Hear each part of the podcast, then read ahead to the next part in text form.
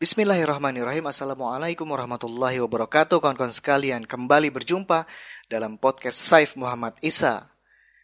Kali ini cerita kita berjudul Nasakom.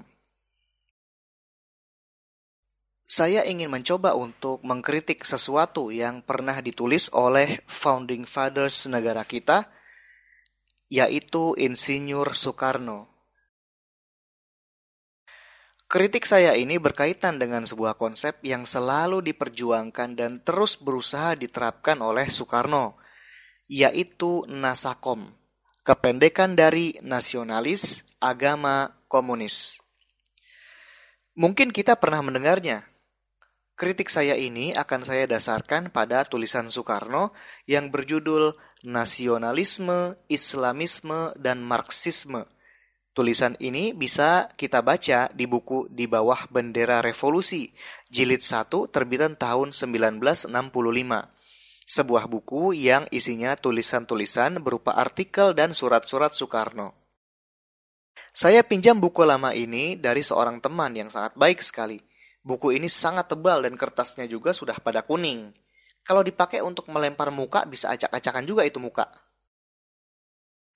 Artikel yang berjudul Nasionalisme, Islamisme, dan Marxisme itu menurut saya adalah sebuah gambaran tentang ide Nasakom yang ada di benak Soekarno. Maka untuk memahami seperti apa sebenarnya ide Nasakom dan menghancurkan ide batil hasil kreativitas Soekarno itu, maka saya akan mengorek dan menghancurkan setiap argumentasi di dalam tulisan itu dengan ideologi Islam Paragraf-paragraf awal tulisan itu menggambarkan bagaimana kondisi zaman itu, terutama kondisi real wilayah-wilayah di Asia yang masih terjajah oleh negara-negara kolonialis Eropa Barat, kira-kira dekade 30-an dan 40-an. Saya kutip dari artikel Marxisme, Nasionalisme, Islamisme, karya Soekarno. Zaman yang rakyat-rakyat Asia lagi berada dalam perasaan tak senang dengan nasibnya, tak senang dengan nasib ekonominya, tak senang dengan nasib politiknya, tak senang dengan segala nasib yang lain-lainnya. Zaman senang dengan apa adanya sudahlah lalu. Soekarno menyadari bahwa sebab kolonisasi bangsa-bangsa kolonialis Eropa adalah asalnya kolonisasi ialah teristimewa soal rezeki kekurangan rezeki. Itulah yang menjadi sebab rakyat-rakyat Eropa mencari rezeki di negeri lain. Berwindu-windu rakyat-rakyat Eropa itu mempertuankan negeri-negeri Asia. Berwindu-windu rezeki Asia masuk ke negerinya. Teristimewa Eropa Baratlah yang bukan main tambah kekayaannya. Jadi mulia sekali motivasi yang bangkit ini.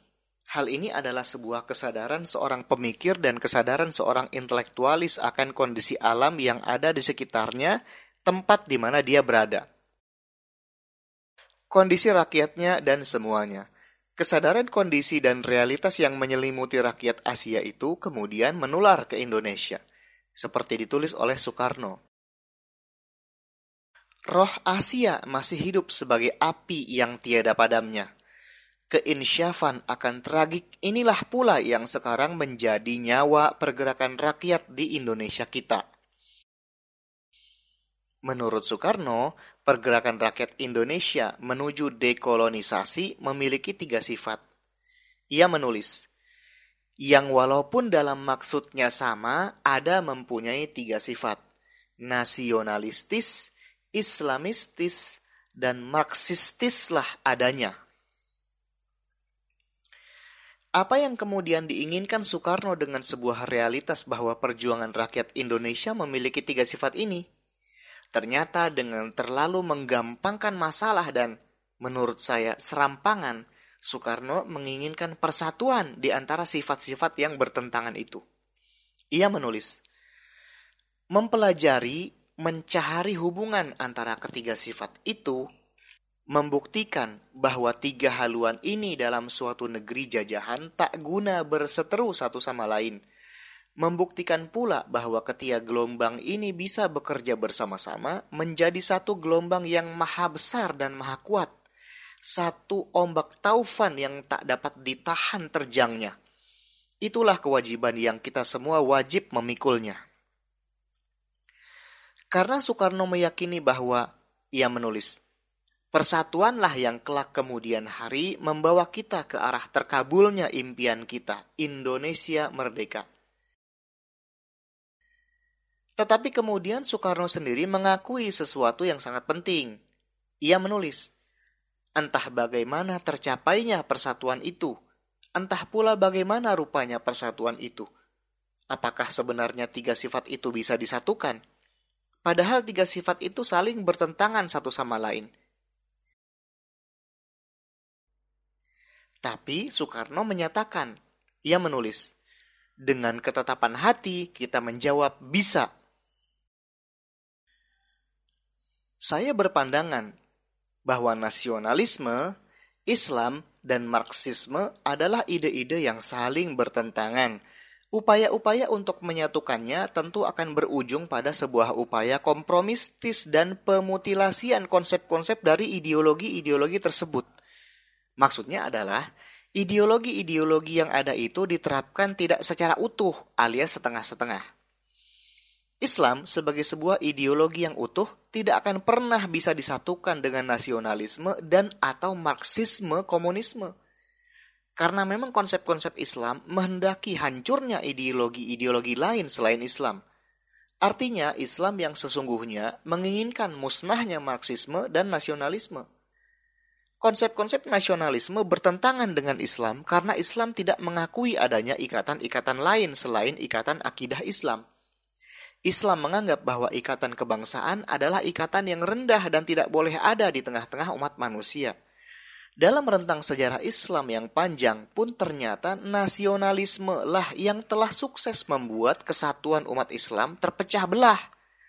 Adanya nation state modern seperti yang ada di peta sekarang ini adalah wujud dari keberhasilan nasionalisme menghancurkan kesatuan Islam. Padahal dahulu negara-negara yang tercantum di peta itu tidak pernah ada. Di negeri-negeri muslim dulu hanya ada satu negara, yaitu negara khilafah Islamiyah. Lantas bagaimana mungkin Islam bisa disatukan dengan nasionalisme? Kalaupun bisa disatukan, Islam seperti apakah yang bisa disatukan itu? Tentu Islam yang konsep-konsepnya sudah dipangkas, dimutilasi sedemikian rupa dan dikompromikan agar bisa bersahabat dengan nasionalisme. Soekarno berargumen, ia menulis, tidak adalah halangannya nasionalis itu dalam geraknya bekerja bersama-sama dengan kaum Islamis dan Marxis.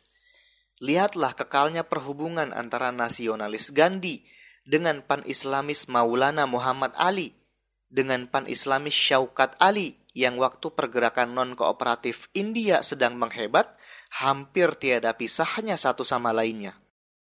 Menurut saya, kedekatan antara tokoh-tokoh Islam seperti yang disebutkan Soekarno dengan tokoh-tokoh nasionalis India itu tidak ada hubungannya sama sekali dengan akan harmonisnya hubungan antara konsep-konsep Islam dan nasionalisme. Kalau tokoh-tokoh Islam dan tokoh Kristen berdekatan misalnya, kan bukan berarti Islam dan Kristen bisa disatukan. Iya nggak?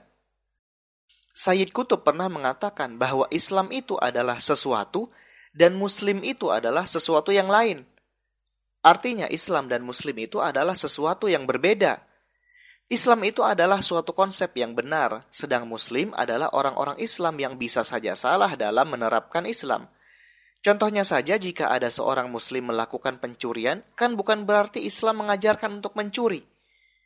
Makanya dari konsep-konsep Islam itulah seharusnya kita mengenali seperti apa sebenarnya Islam, bukan dari bagaimana kelakuan umat Islam.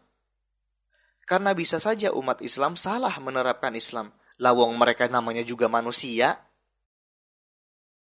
Begitu juga dengan Marxisme. Konsep-konsep Islam sangat bertentangan dengan konsep-konsep Marxisme.